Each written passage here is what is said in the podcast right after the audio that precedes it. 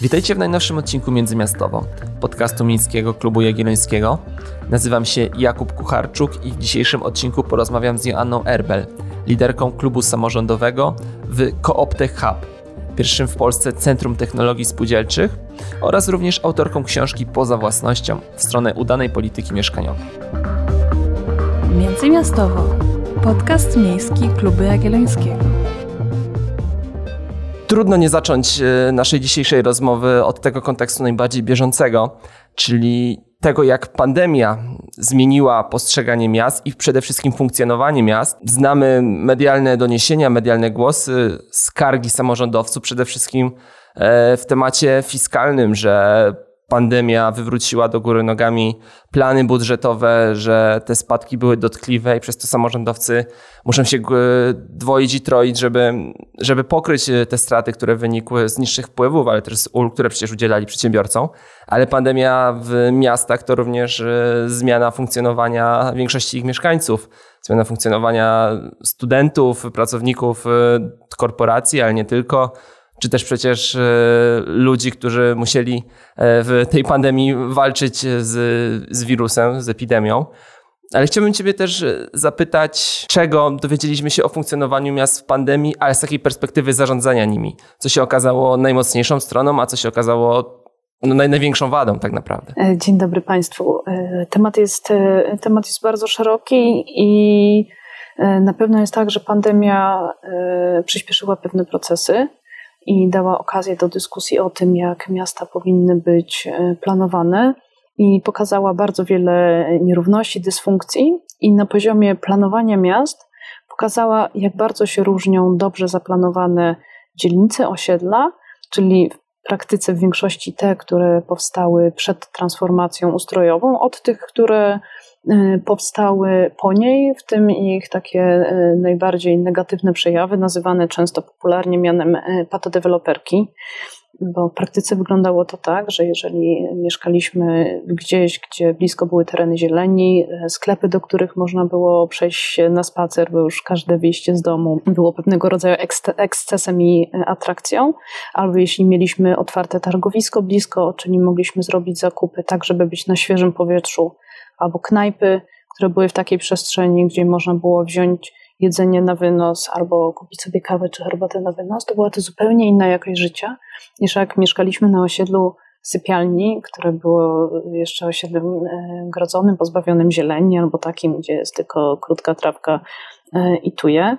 I to pokazało, jak bardzo ważna jest ta nasza przestrzeń dookoła nas. Czyli to już nie było tak, że możemy pojechać do centrum, skorzystać z kultury, ale byliśmy skazani na swoje najbliższe otoczenie. Zaczęliśmy to otoczenie lepiej widzieć. I to, jest bardzo ciekawy przyczynek do przyszłego rozwoju miast, bo już od dawna się mówi o miastach policentrycznych. Rozwijają się dzielnicowe centra już po to, żeby spędzać czas wolny. Często nie musimy jeździć do centrów miasta, ale chodzimy do lokalnych, lokalnych knajpek. W Warszawie na przykład był taki program Warszawskie Centra e, lokalne, który polegał na tym, żeby stworzyć kilka takich ośrodków, które będą takimi e, warszawskimi odmianami lokalnych, e, małomiasteczkowych ryneczków. I teraz to doświadczenie pandemiczne pokazało nam, jak ważne jest to, żeby mieć taką przestrzeń blisko nas. To jeszcze jest e, takie myślenie o rozwoju miast, które widzimy na przykład w nowej strategii Paryża, która mówi o 15-minutowym mieście. E, wedle tej strategii mamy mieć dostęp pieszo albo e, dojazd rowerem do wszystkich potrzebnych rzeczy w życiu codziennym. I są tu i placówki edukacyjne, i sklepy, i tereny zieleni, i obszary mm, kultury. Więc to jest coś, co pandemia bardzo silnie nam pokazała.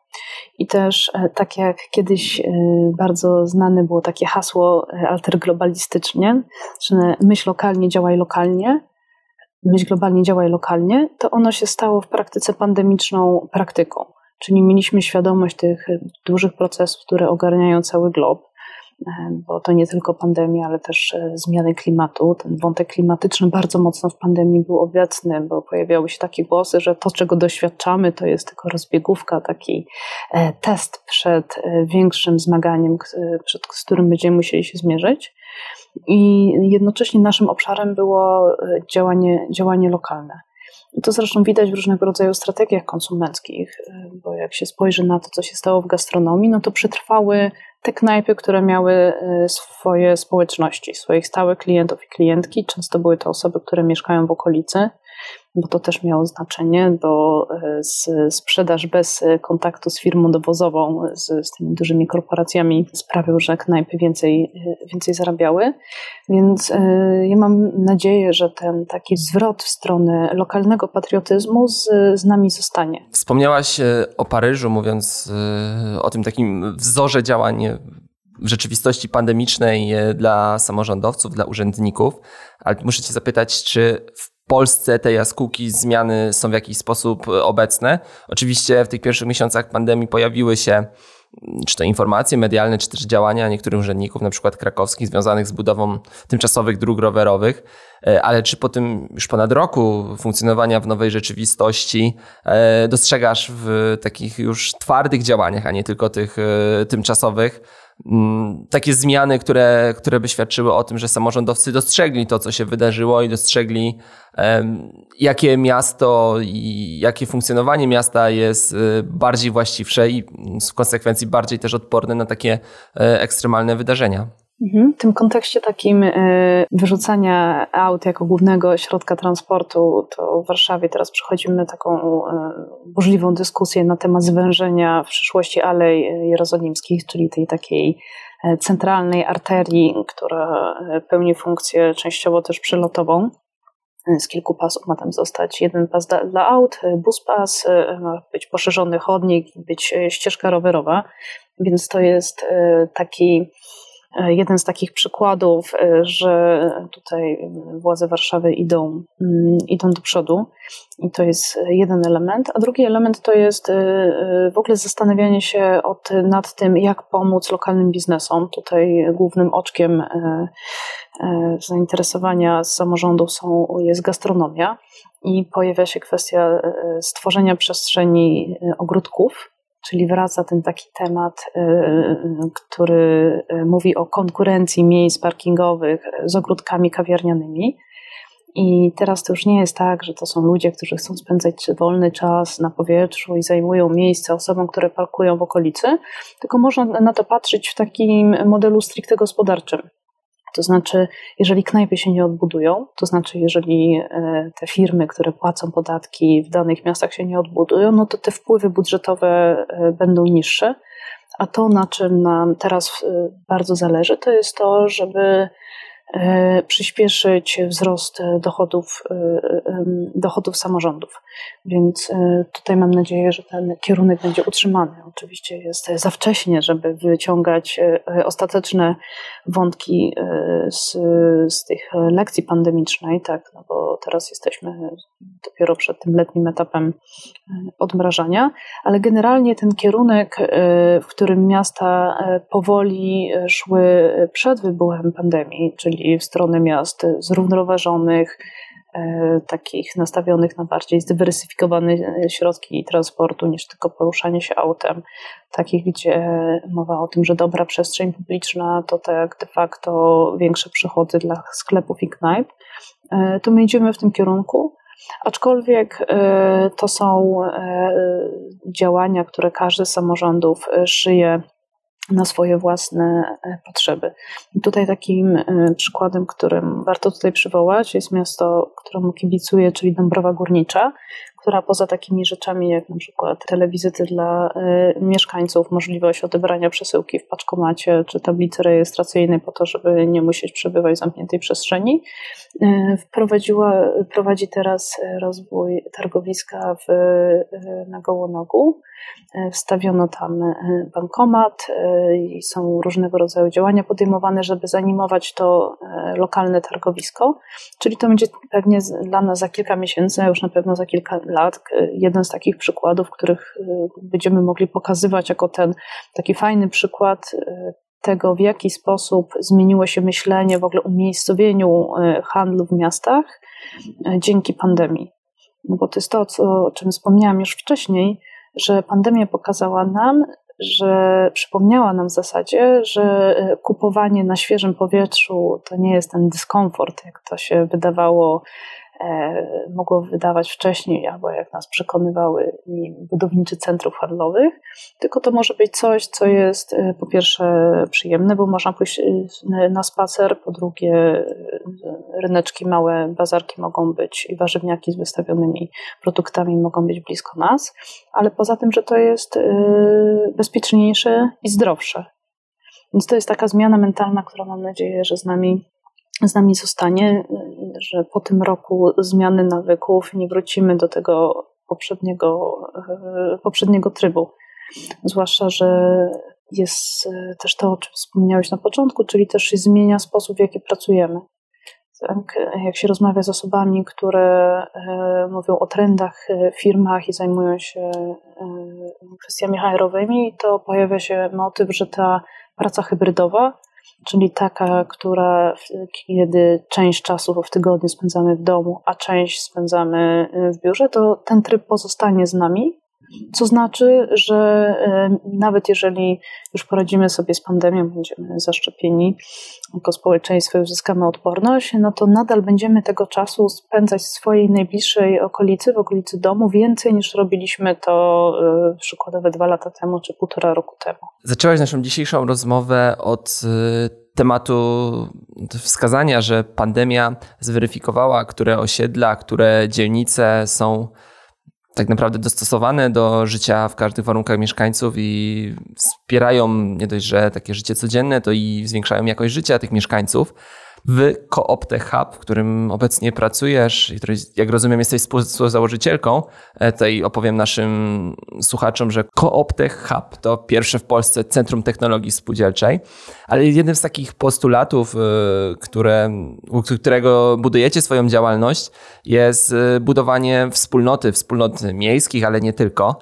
Tymczasem, tak sobie pomyślę o tych naszych grodzonych osiedlach, sypialniach, które powstawały w ostatnich latach, ale i powstają wciąż na mocy planów niedoskonałych, e, doskonałych planów miejscowych, czy też na mocy po prostu e, budowania gdzie popadnie, bo, bo przepisy prawa na to pozwalają.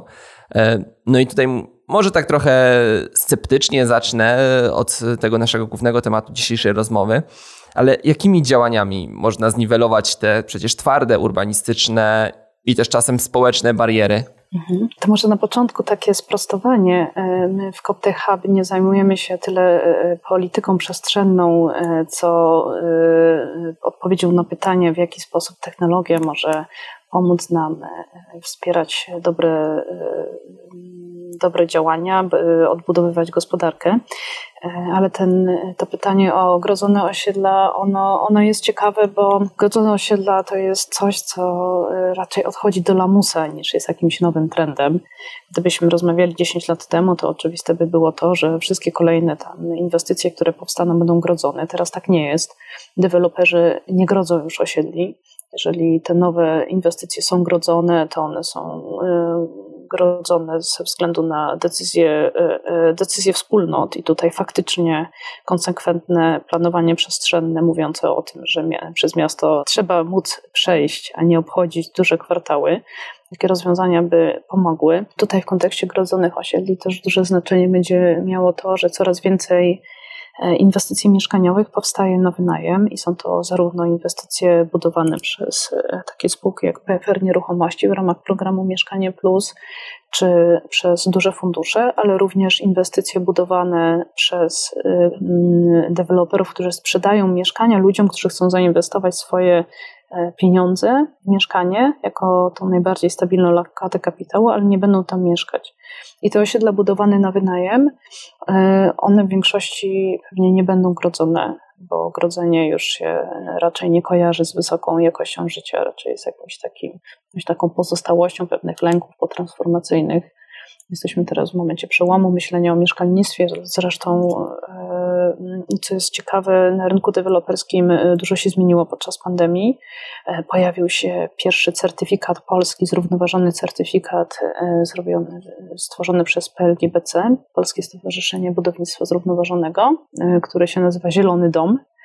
e, który właśnie mówi o tej dobrze zaprojektowanej przestrzeni, więc pojawił się taka, pojawiła się taka zachęta rynkowa, można powiedzieć taka checklista, przez którą osoby kupujące mieszkanie mogą przejść i zobaczyć, na ile ich mieszkanie jest dobrej jakości, czyli w praktyce to oznacza nawet nie tyle dla nich wysoką jakość życia, ale dla części osób, czy to jest dobra lokata kapitału.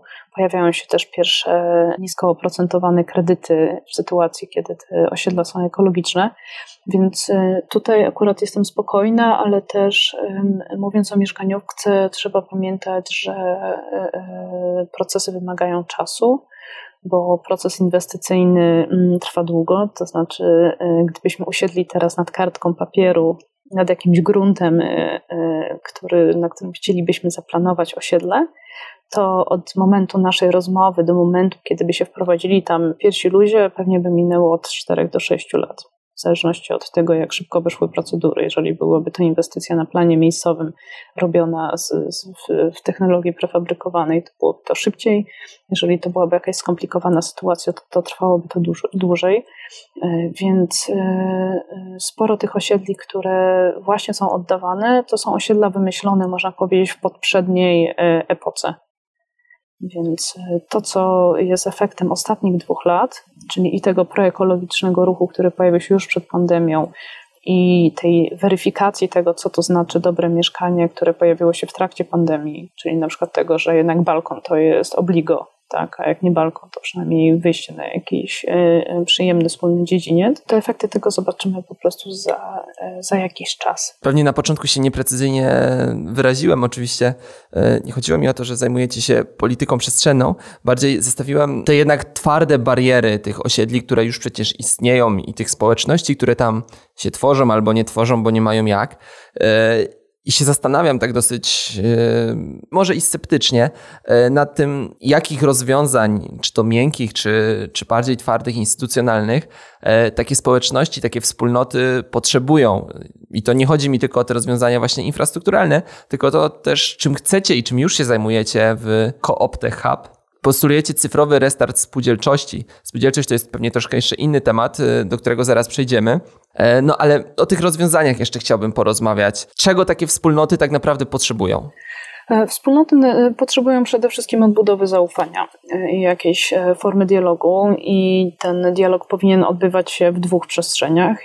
Jedna przestrzeń to jest ta przestrzeń realna, to znaczy spotkanie na korytarzu, rozmowy na klatce. E, super, jeżeli jest jakaś przestrzeń e, wspólna, w której można się spotkać, czy to jest jakaś kawiarnia na dole, czy jakieś pomieszczenie, albo chociaż plac, plac zabaw przed budynkiem, ale potrzebne są też e, rozwiązania cyfrowe i tutaj mam taką aplikację, która się nazywa PLZ, która pozwala na, na komunikację e, mieszkańców między sobą, ale też e, pozwala na e, zupełnie inne podejście do świata cyfrowego, bo my jesteśmy przyzwyczajeni, że jak już odpalamy tego naszego smartfona albo wchodzimy do internetu i robimy zakupy, albo chcemy z kimś porozmawiać, to w sposób automatyczny lądujemy w świecie, który jest globalny. Tak, no bo to jest ta obietnica e, tej e, bezkresności komunikacji.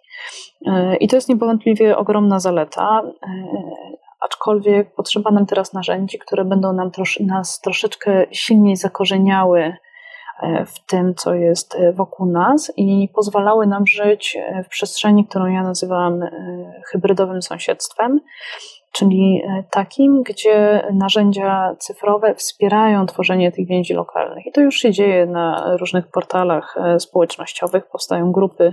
Zresztą e, pandemia bardzo przyspieszyła powstawanie takich inicjatyw samopomocowych. Wiele z nich było pod hasłem Widzialna rynka, ręka.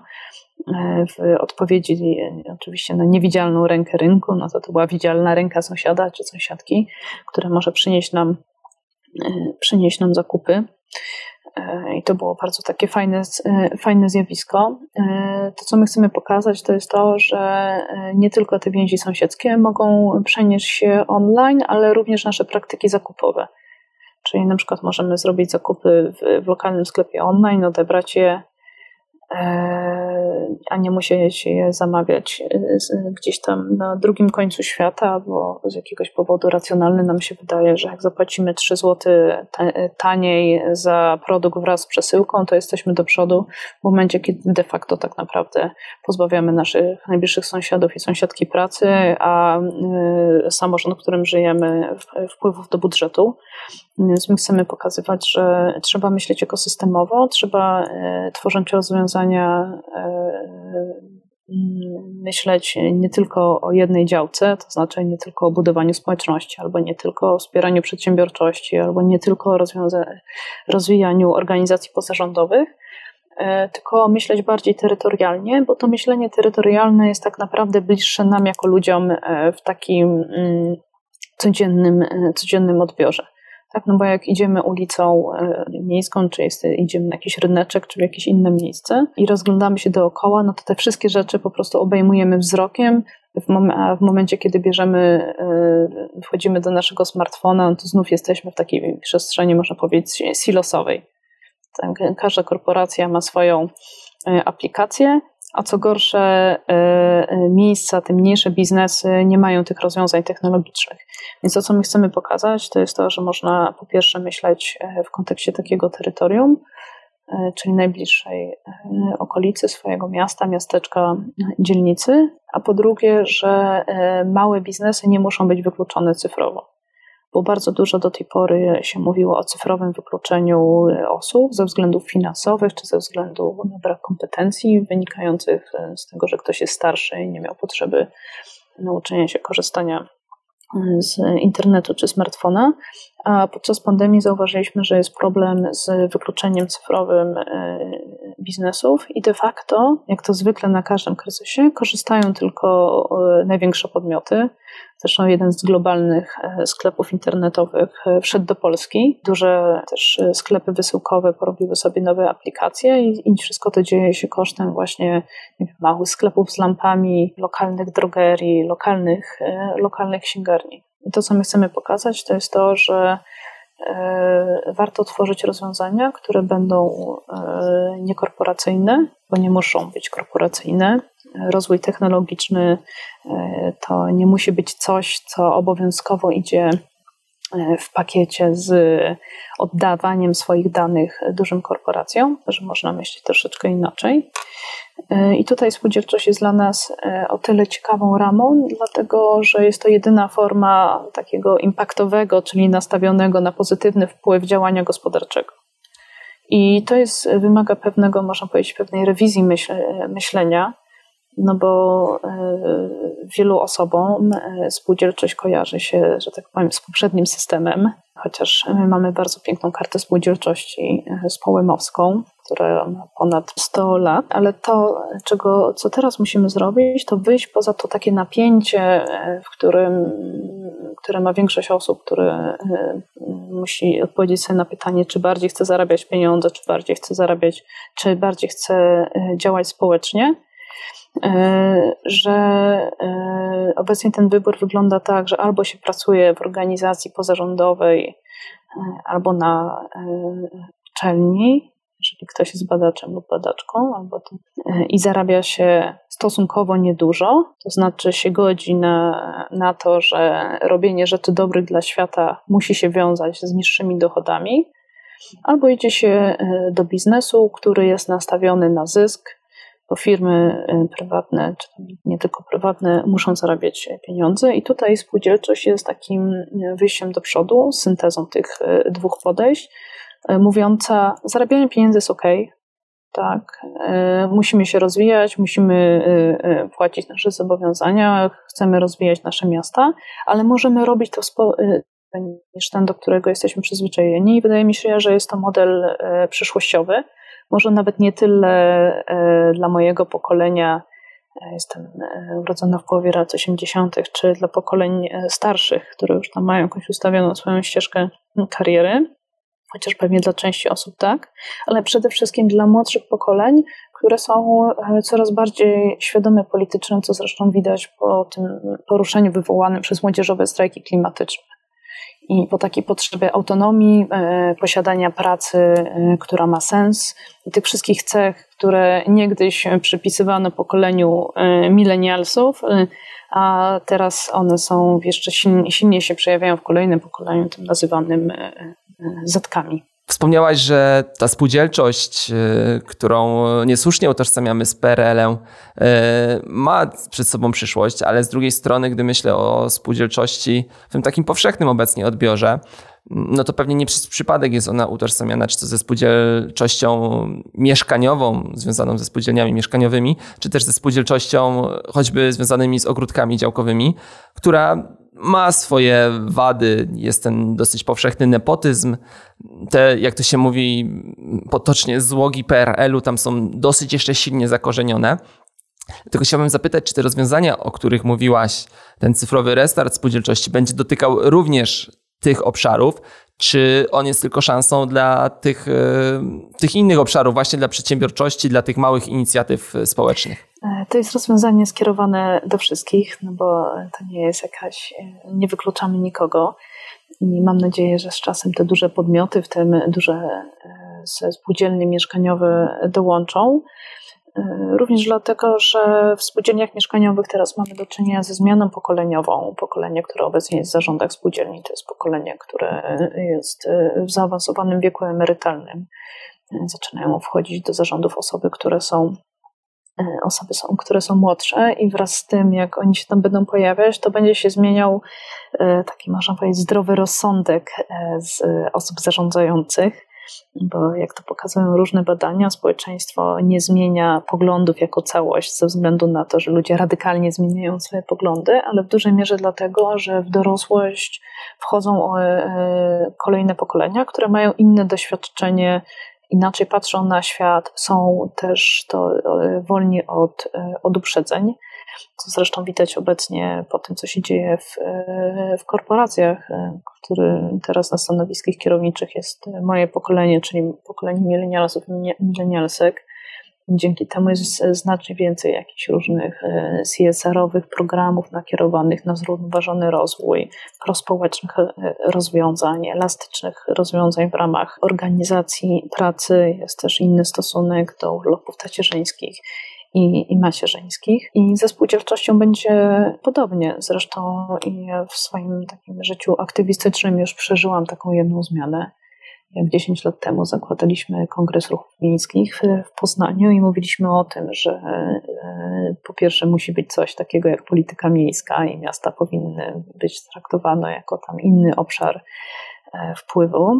Mm, wtedy żadne ministerstwo de facto specjalnie e, nie było nakierowane na politykę miejską, to wtedy funkcjonowało takie przekonanie, że to, co jest wspólne, to jest niczyje i że jak ludzie będą mieli tą przestrzeń, która jest przestrzenią współdzieloną albo taką przestrzenią publiczną, to nie będą z niej korzystać, a jak będą z niej korzystać, to będą ją niszczyć.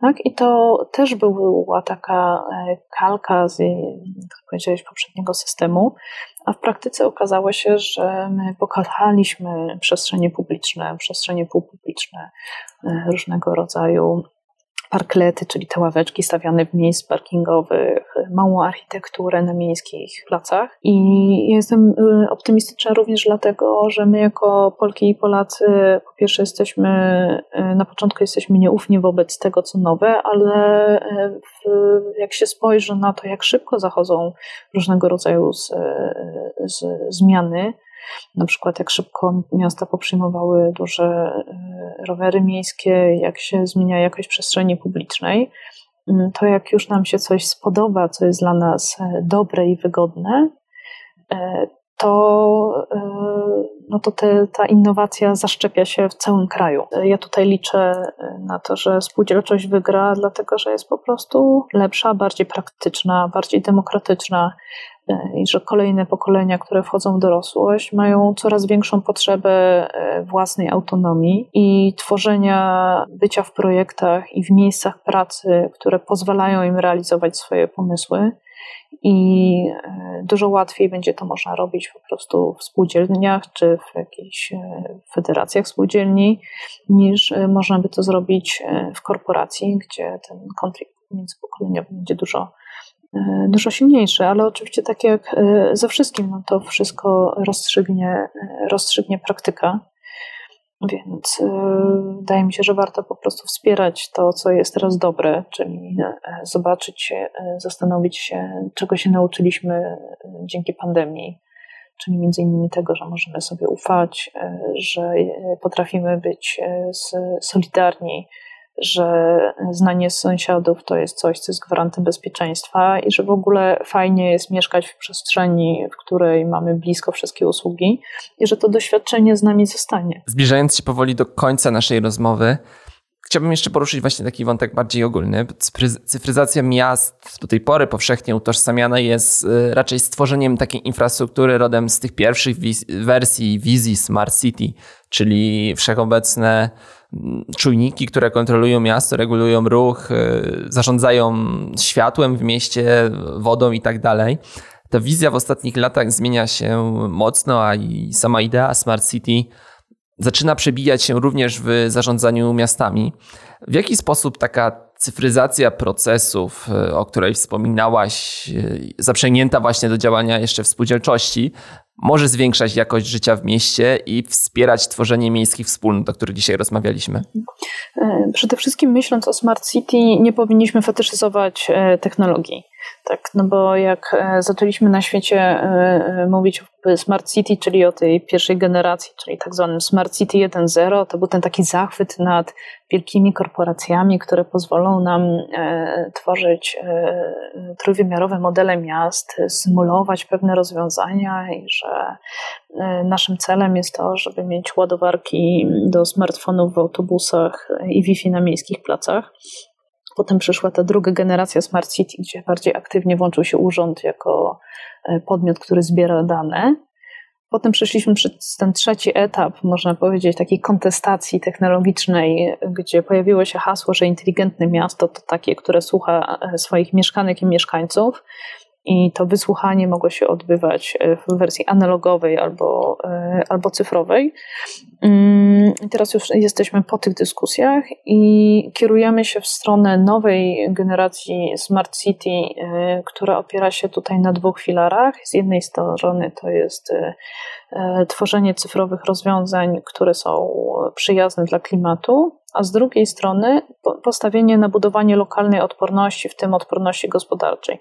I tutaj takim bardzo fajnym benchmarkiem jest amerykańskie miasto Pittsburgh, które z jednej strony wprowadza system autoautonomicznych, inteligentny system sterowania ruchem, żeby e, obniżyć emisje wynikające z dziennego poruszania się osób po mieście, a z drugiej strony mówi, że e, rozwój miasta musi e, się odbywać w, z, z myśleniem o wszystkich grupach społecznych.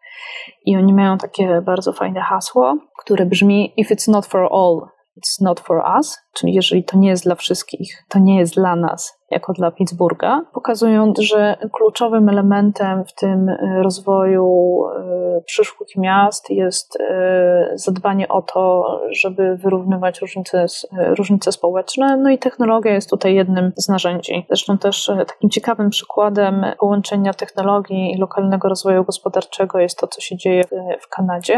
W 2015 roku ruszył w Toronto taki program, który się nazywał Main Street. On służył dostarczaniu cyfrowych rozwiązań rozwiązań dla sklepów i biznesów, które były przy głównych ulicach, i wtedy warunkiem wejścia było to, że trzeba mieć tą witrynę, to znaczy, żeby były to faktycznie te biznesy, które są te takie miejskotwórcze, ale z czasem y, też y, ze względu na pandemię do tego programu włączono y, więcej biznesów. Teraz ten program rozlewa się na kolejne miasta, na Ontario i dalej w Kanadzie, i on właśnie pokazuje, że technologia to jest takie jedno z narzędzi, których powinniśmy korzystać po to, żeby wspierać lokalną gospodarkę.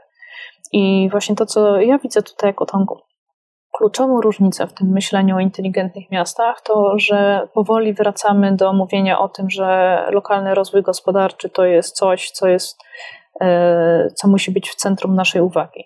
Wcześniej to było jakoś tam domyślne, prawda, że miasta się rozwijają, te pieniądze gdzieś tam są, Y, ale im y, silniejsze są wszystkie rozwiązania tam z obszaru tam y, e-commerce'u, im silniejsze są globalne korporacje, czyli im bardziej też duże firmy są w stanie wyprowadzać podatki mm, z poszczególnych krajów, a tu konkretnie akurat też z poszczególnych miast, tym silniej te polityki są nastawione na to, żeby pokazać, że y, musimy myśleć o tym patriotyzmie gospodarczym jako takim y, ważnym elemencie inteligentnych miast co mi się wydaje, że jest e, bardzo e, dobrym rozwiązaniem, bo uczy nas takiego kompleksowego myślenia e, o mieście i pokazuje też, skąd się biorą pieniądze w budżecie.